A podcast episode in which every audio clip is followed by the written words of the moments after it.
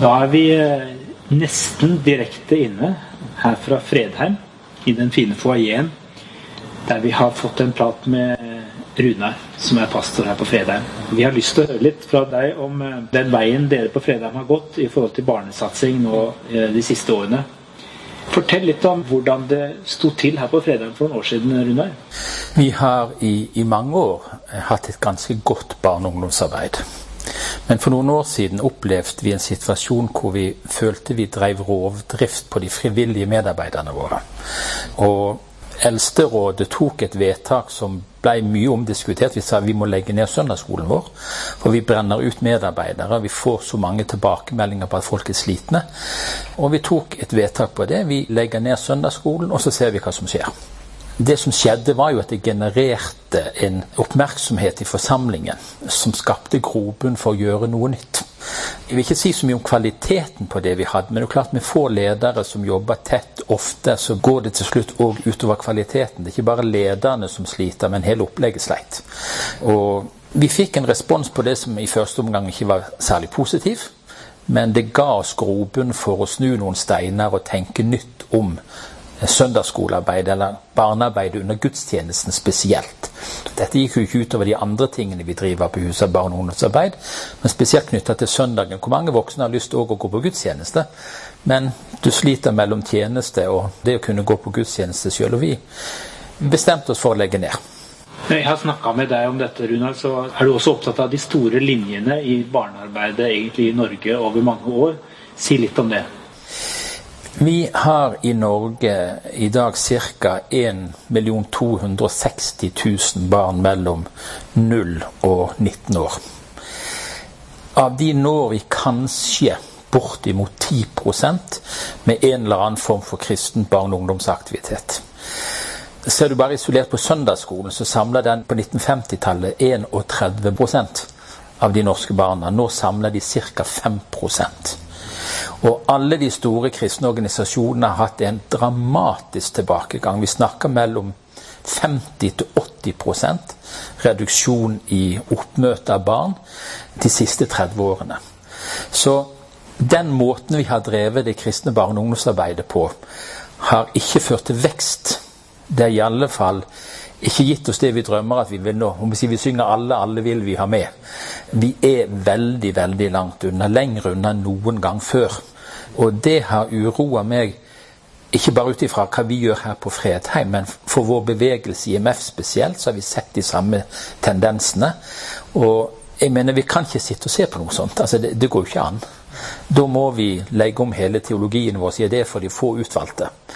Det er det virkelig ikke. Så å gå inn i tallene og kikke nøye på det, så har det vokst fram hos flere en djup erkjennelse av at vi, vi er nødt til å gjøre noe. Vi kan ikke fortsette sånn som nå. Det er bare i en kristen sammenheng du får lov å fortsette med å vise sånne resultat som, som det vi opplevde de senere årene. I alle andre sammenhenger som selger et uviktig produkt, så hadde de snudd strategien for lenge siden. Og det er forunderlig at ikke mange, mange flere har snudd alle steiner som kan snus. Hva gjør vi for å stoppe den nedgangen? Hva gjør vi for å nå flere barn og unge med evangeliet? Det er ikke noe annet som kan frelse et barn og en ungdom heller enn evangeliet. Og vi kan ikke slå oss til ro med å nå en så liten del av den unge befolkningen i Norge som vi gjør per i dag. Med det som utgangspunkt så vendte dere blikket mot et miljø i USA som har holdt på med barnearbeid i eh, vel 60 år.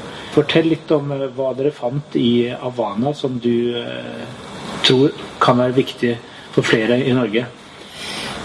Vi møtte Arvana først i en litt annen sammenheng. En bevegelse i USA som kalles D6, femte Mosebok kapittel 6, hvor de taler om troen i hjemmet og betydningen av å overlevere fra generasjon til generasjon. Og det er en ganske stor bevegelse i USA som samler alle typer menigheter. Med det fokus at vi er nødt å samarbeide barn, kirke, familie på en annen måte enn det vi har gjort. Og en sentral aktør i det miljøet er en organisasjon som i mange 60 år har jobba med å gi evangeliet til barn og ungdom. Den heter Avana, som du sier, og jobber nå i 117 land. Når hver uke rundt 3,5 millioner barn. Det er i seg sjøl ikke noen suksesskriterium på en måte. Men det som har vist seg når vi har sett nærmere på det, det er at veldig mange, mange flere enn vanlig, av de barna som har gått mange år i dette opplegget, har en moden tro, en voksen tro. Det blir en tro som bærer gjennom livet. Og det er veldig store undersøkelser gjort i USA og andre steder på at de som har vært mange år i dette opplegget, de, de aller, aller fleste blir bevart som aktivt bekjennende kristne som voksne. Og da begynner vi å bli litt spente og interessert. Hva er det som ligger bak? Når vi vet at i norsk sammenheng er det kanskje 30-40 vi beholder av de som kommer fra kristne familier, og under 5% av de som kommer fra ikke-kristne familier. Da blir i alle fall jeg nysgjerrig på hva er den hemmeligheten som ligger bak at de har helt andre resultat enn det vi kan vise til. Tror du er hemmeligheten? De sjøl kaller det 'the secret source'. Det, det, høres jo veldig spennende ut. Sånne ting vil du gjerne ikke levere ut hvis du har funnet en sånn magisk formel. Den hemmelige kilden. Ja. Men det de snakker om, det er Bibel. Og de er ikke redd for å si at de pugger bibelvers. Det er i seg sjøl ikke hovedpoenget, men barna skal lære å forstå hva bibelverset betyr, mer enn å pugge det. Men det er aldri skadelig å, å kunne bibelvers utenat å bruke det, anvende det på livet. Det andre de er veldig sterke på, er relasjon. Hvert barn skal møte en leder ansikt til ansikt med øyekontakt hver uke, eller så ofte som de samles. Og så har de mye tid til lek og latter og et ganske avansert opplegg for å rett og slett ha det kjekt når de kommer sammen. Og den blandingen mellom bibelundervisning, forkynnelse for barna, bibelmemorering eh, og små grupper hvor du er tett på den enkelte, kan dele bønneemner, kan følge de opp mer personlig, har vist seg over tid å være bærekraftig. Det formidler tro som blir varig i en veldig stor grad. Og Da nevner du jo egentlig også tre viktige aspekter ved f.eks. en time med Havana, som trenger ganske forskjellige typer ledere. Mm. Ja. Et sånt opplegg kan virke veldig avansert. Og det krever et visst antall ledere, men det gir åpning for mange forskjellige typer ledere. Liker du å undervise for barn, så kan det være det du gjør i en sånn samling. Liker du å prate med barn, er god med en liten gruppe, så kan det være det du gjør. Liker du å leke med barn, så er det det du gjør. Her, her trenger du ikke gjøre alt. Her kan du skreddersy oppgavene til det som du sjøl utruster til. Og du trenger ikke heller være med på hele samlingen hvis du har nok ledere. Så kan en få en større si, skifte i løpet av òg en sånn samling. Det er klart at Skal du bygge en relasjon, så trenger du tid med barna. Men det er mulig å skreddersy arbeidsoppgaver etter interesse og, og utrustning. Så skjønner jeg også at det har vært viktig for dere at det er en viktig link til hjemmet mm. i dette opplegget.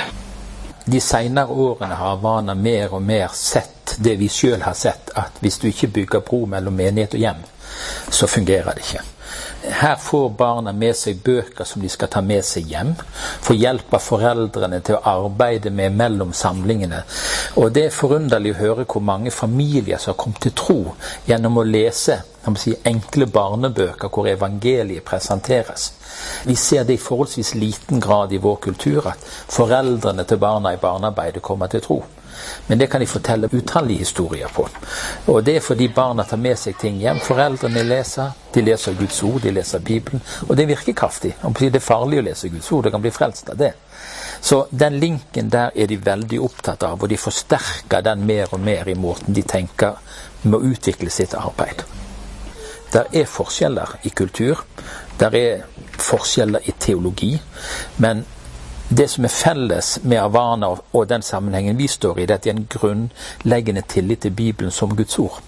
Og en stor frimodighet å gi Guds ord til barn og ungdom.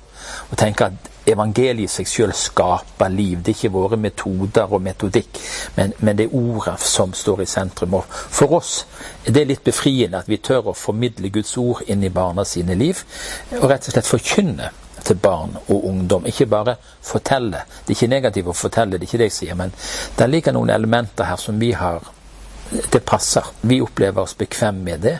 Og så må vi gjøre en del tilpasninger. Det jobber vi med hele tiden.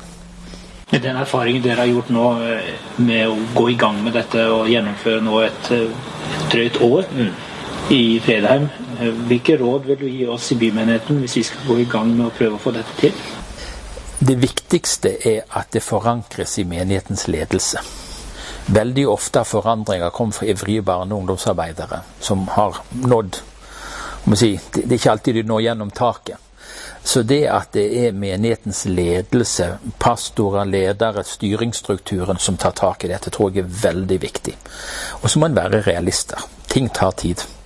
Både å motivere, kanskje òg å skape en reell kriseforståelse, hvordan det virkelig står til. Eller kanskje smaker noen på den allerede, hvis de er ærlige.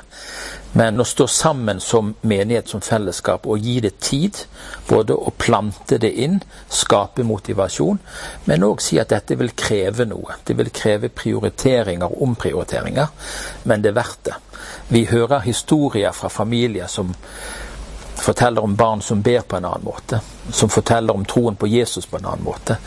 Og vi ser noen av fruktene etter så korte tid. Så jeg tenker, selv om det var mer arbeid enn vi trodde når vi begynte, så angrer vi ikke på at vi gikk i gang. Og er så spente på både for vår egen del og at det nå sprer seg i hele Norge. Og flere og flere forsamlinger og ulike sammenhenger tar kontakt fordi de opplever at de har nådd taket med det de jobber med de trenger noe nytt. Så vi, vi er spente på fortsettelsen, men det er et arbeid. Teksten i dag står i Matteus kapittel 18 vers 1-6. Nettopp da kom disiplene og spurte Jesus, 'Hvem er den største i himmelen?' Da kalte han til seg et lite barn, stilte det midt iblant dem og sa, 'Sannelig, jeg sier dere:" Uten at dere vender om og blir som et barn, kommer dere ikke inn i himmelriket. Den som gjør seg liten som dette barnet, han er den største i himmelriket. Og den som tar imot et slikt lite barn i mitt navn, tar imot meg. Men den som lokker til fall en av disse små som tror på meg, han var bedre tjent med å få en kvernstein hengt om halsen og bli senket i havets dyp. Ja, Som dere forstår, så har eh, det meste av talen alt blitt holdt. Jeg skal bare si litt nå etter det vi har hørt. Både teksten, sterke teksten som eh, ble lest nå, og intervjuet med Runa Landro har satt litt perspektiv på det som eh, vi fra menighetsrådet sin side har ønsket å både inspirere og utfordre menigheten på nå framover. Og Jeg har satt en sånn tittel på dette da vi bestemte at vi skulle snakke om dette i dag. så sa jeg, Hvorfor er barna viktigere enn de voksne? Legg merke til at Du kan si det på litt forskjellig måte. Jeg kan si hvorfor er barna viktigere enn de voksne? Forutsetningen er da at jeg svarer ja, og så begrunner jeg det. Eller en annen kan sitte her og si hvorfor er barna viktigere enn de voksne? Og Da indikerer det at vi plutselig provoserer noen med å si at noen er viktigere enn de andre. Hvorfor skal barna og de unge liksom være viktigere enn de voksne? Når vi stiller spørsmål på den måten, og det er ikke helt uvanlig at vi gjør det, så lager vi på en måte en interessekonflikt. Og Det liker vi i det norske samfunnet veldig godt å gjøre. Vi er veldig flinke til å lage interessekonflikter, til å sette grupper opp mot hverandre. Og Spesielt hvis vi har klart å definere en gruppe som et offer, offer for noe, i lang tid opplevd å være et offer, ja, så har de egentlig vunnet veldig fort. Så Det kunne vi nå gjøre. Vi kunne i lang tid nå framover i, i, stor grad definere barna i bymenigheten som et offer. Og prøve å få dere andre til å forstå at uh, dere undertrykker barna med den måten vi, vi driver menighet på. Skape litt dårlig samvittighet eller vekke dere og si at dere må jo forstå hva dere er i ferd med å gjøre med barna, og glemme dem. sånn som dere gjør. Og så vil mange av dere si nei, men det syns vi ikke er riktig. Og når du først sier det på den måten, prest, så syns jeg faktisk av og til at dere glemmer oss voksne litt òg. Det er ikke alltid at jeg syns det er for meg det som skjer i gudstjenesten. og Jeg syns ofte at det kan være ganske mye fokus på de barna jeg er. Jeg trodde vi i den menigheten her egentlig var veldig flinke med barn. Ja, Er det egentlig barna vi skal satse på? Ikke sant? Og så er det noen som vil påstå at barna faktisk får for mye oppmerksomhet i dagens samfunn.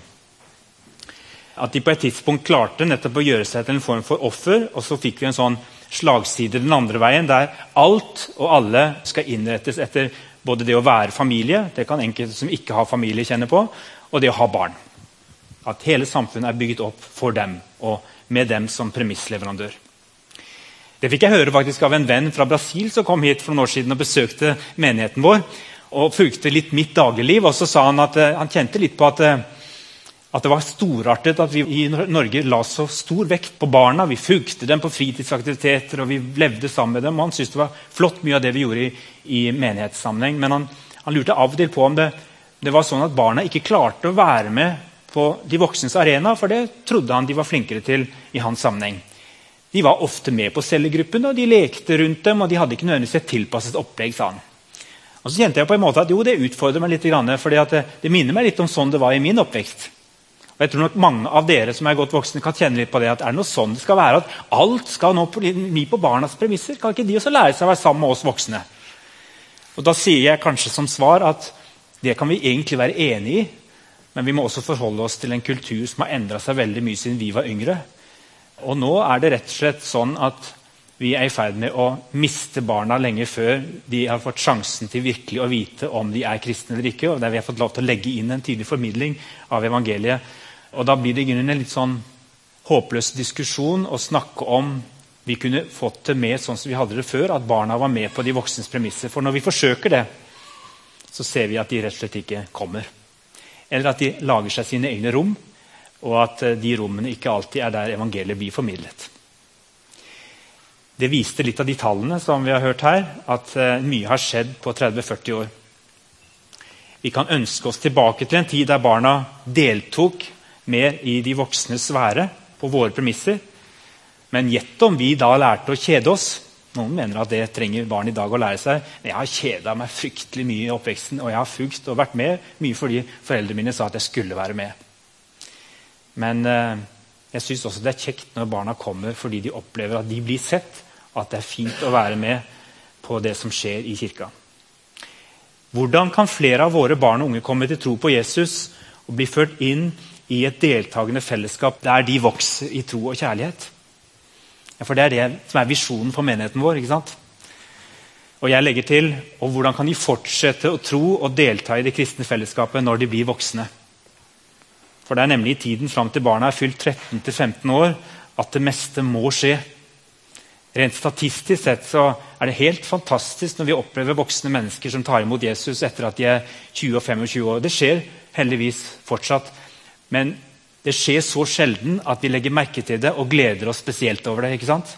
Fordi det er faktisk veldig uvanlig at voksne mennesker som ikke har vært i berøring med kristentro før, kommer til kirka og blir kristne. For det skjer i hovedsak fram til man er 13-15 år. Har det ikke skjedd før det, så skjer det i liten grad. Så Det betyr at visjonen vår Det er veldig lett for oss i menighetsrådet å stake ut den konkretiseringen av den visjonen og, og lykkes. på sett Og vis. Og vi skal ikke gi opp arbeidet med å nå våre egne og de som er på arbeidsplassene våre, våre egne generasjoner. Vi skal ikke sette dem opp mot hverandre, men vi skal bruke ressurser og penger og kanskje de beste folka på den aldersgruppen som er oppnåelig og best mottagelig for å ta imot Jesus. Går det an å si det sånn uten å provosere? Og Hvis vi sier at det er slik, og sånn har vi på mange måter tenkt tidligere, og derfor har vi vært tidlig ute med Promise Land, som vi henta til Norge, Show It, som var et kjempeflott konsept, så handler det egentlig bare nå om å spørre oss sjøl hva er det nå, sånn at vi fornyer oss i det som har vært noe av vår visjon. Og Det vet vi, det er ikke gjort over natten, for vi har et godt søndagsskolearbeid. sånn som De sa, de hadde et godt arbeid. Det er bare at det arbeidet vi har, det utføres av noen ganske få. Og det blir sånn at noen få skal gjøre veldig mange ting som de kanskje ikke er gode på. Vi ønsker å komme oss tilbake dit at vi har et arbeid for barna våre i alle generasjoner som først og fremst støtter opp om det foreldrene skal gjøre hjemme, men også at de lederne de har, kan få lov til å gjøre ting som de er gode på. Ikke så mye mer enn akkurat det. Altså dele på de utfordringene som vi har. Derfor er det på en måte viktig og riktig å si at barna er viktigere enn de voksne strategisk sett. Hvis målet med vår menighet er at nye mennesker skal komme til tro, ja, så er det strategisk sett viktigst at vi legger mest innsats ikke all innsats, men mest innsats på barna og de unge. For det er i den fasen av livet som mye av dette avgjøres. Og Seinere er det i stor grad for seint. Men det går også an å si at barna er viktigere enn de voksne ut fra en teologisk begrunnelse. Den teksten som Karen Tone leste, handler noe om hvem som er størst i Guds rike. Og det er jo teologisk forstått barna. Og Det er både fordi barna i seg sjøl er veldig viktige for Gud. Og Jesus løftet opp barna i en tid da barna knapt nok hadde menneskeverd. De var regnet for å være mennesker i egentlig forstand først når de var passert konfirmasjonsalderen. Men Jesus løfter dem opp og gir dem en helt spesiell status i Guds rike. Jeg tror også det ordet kan tolkes som behovet vi har for å se barna og være sammen med barna og leve livet vårt sammen med barna, nesten uavhengig av hvilken livsfase vi er i. Det er kanskje ikke alle som skal være barneledere, men jeg har lyst til å slå et slag for det å være sammen med barna i ulike faser av livet. Fordi jeg tror da blir vi, blir vi også i større grad minnet om at vi skal være barn som barn.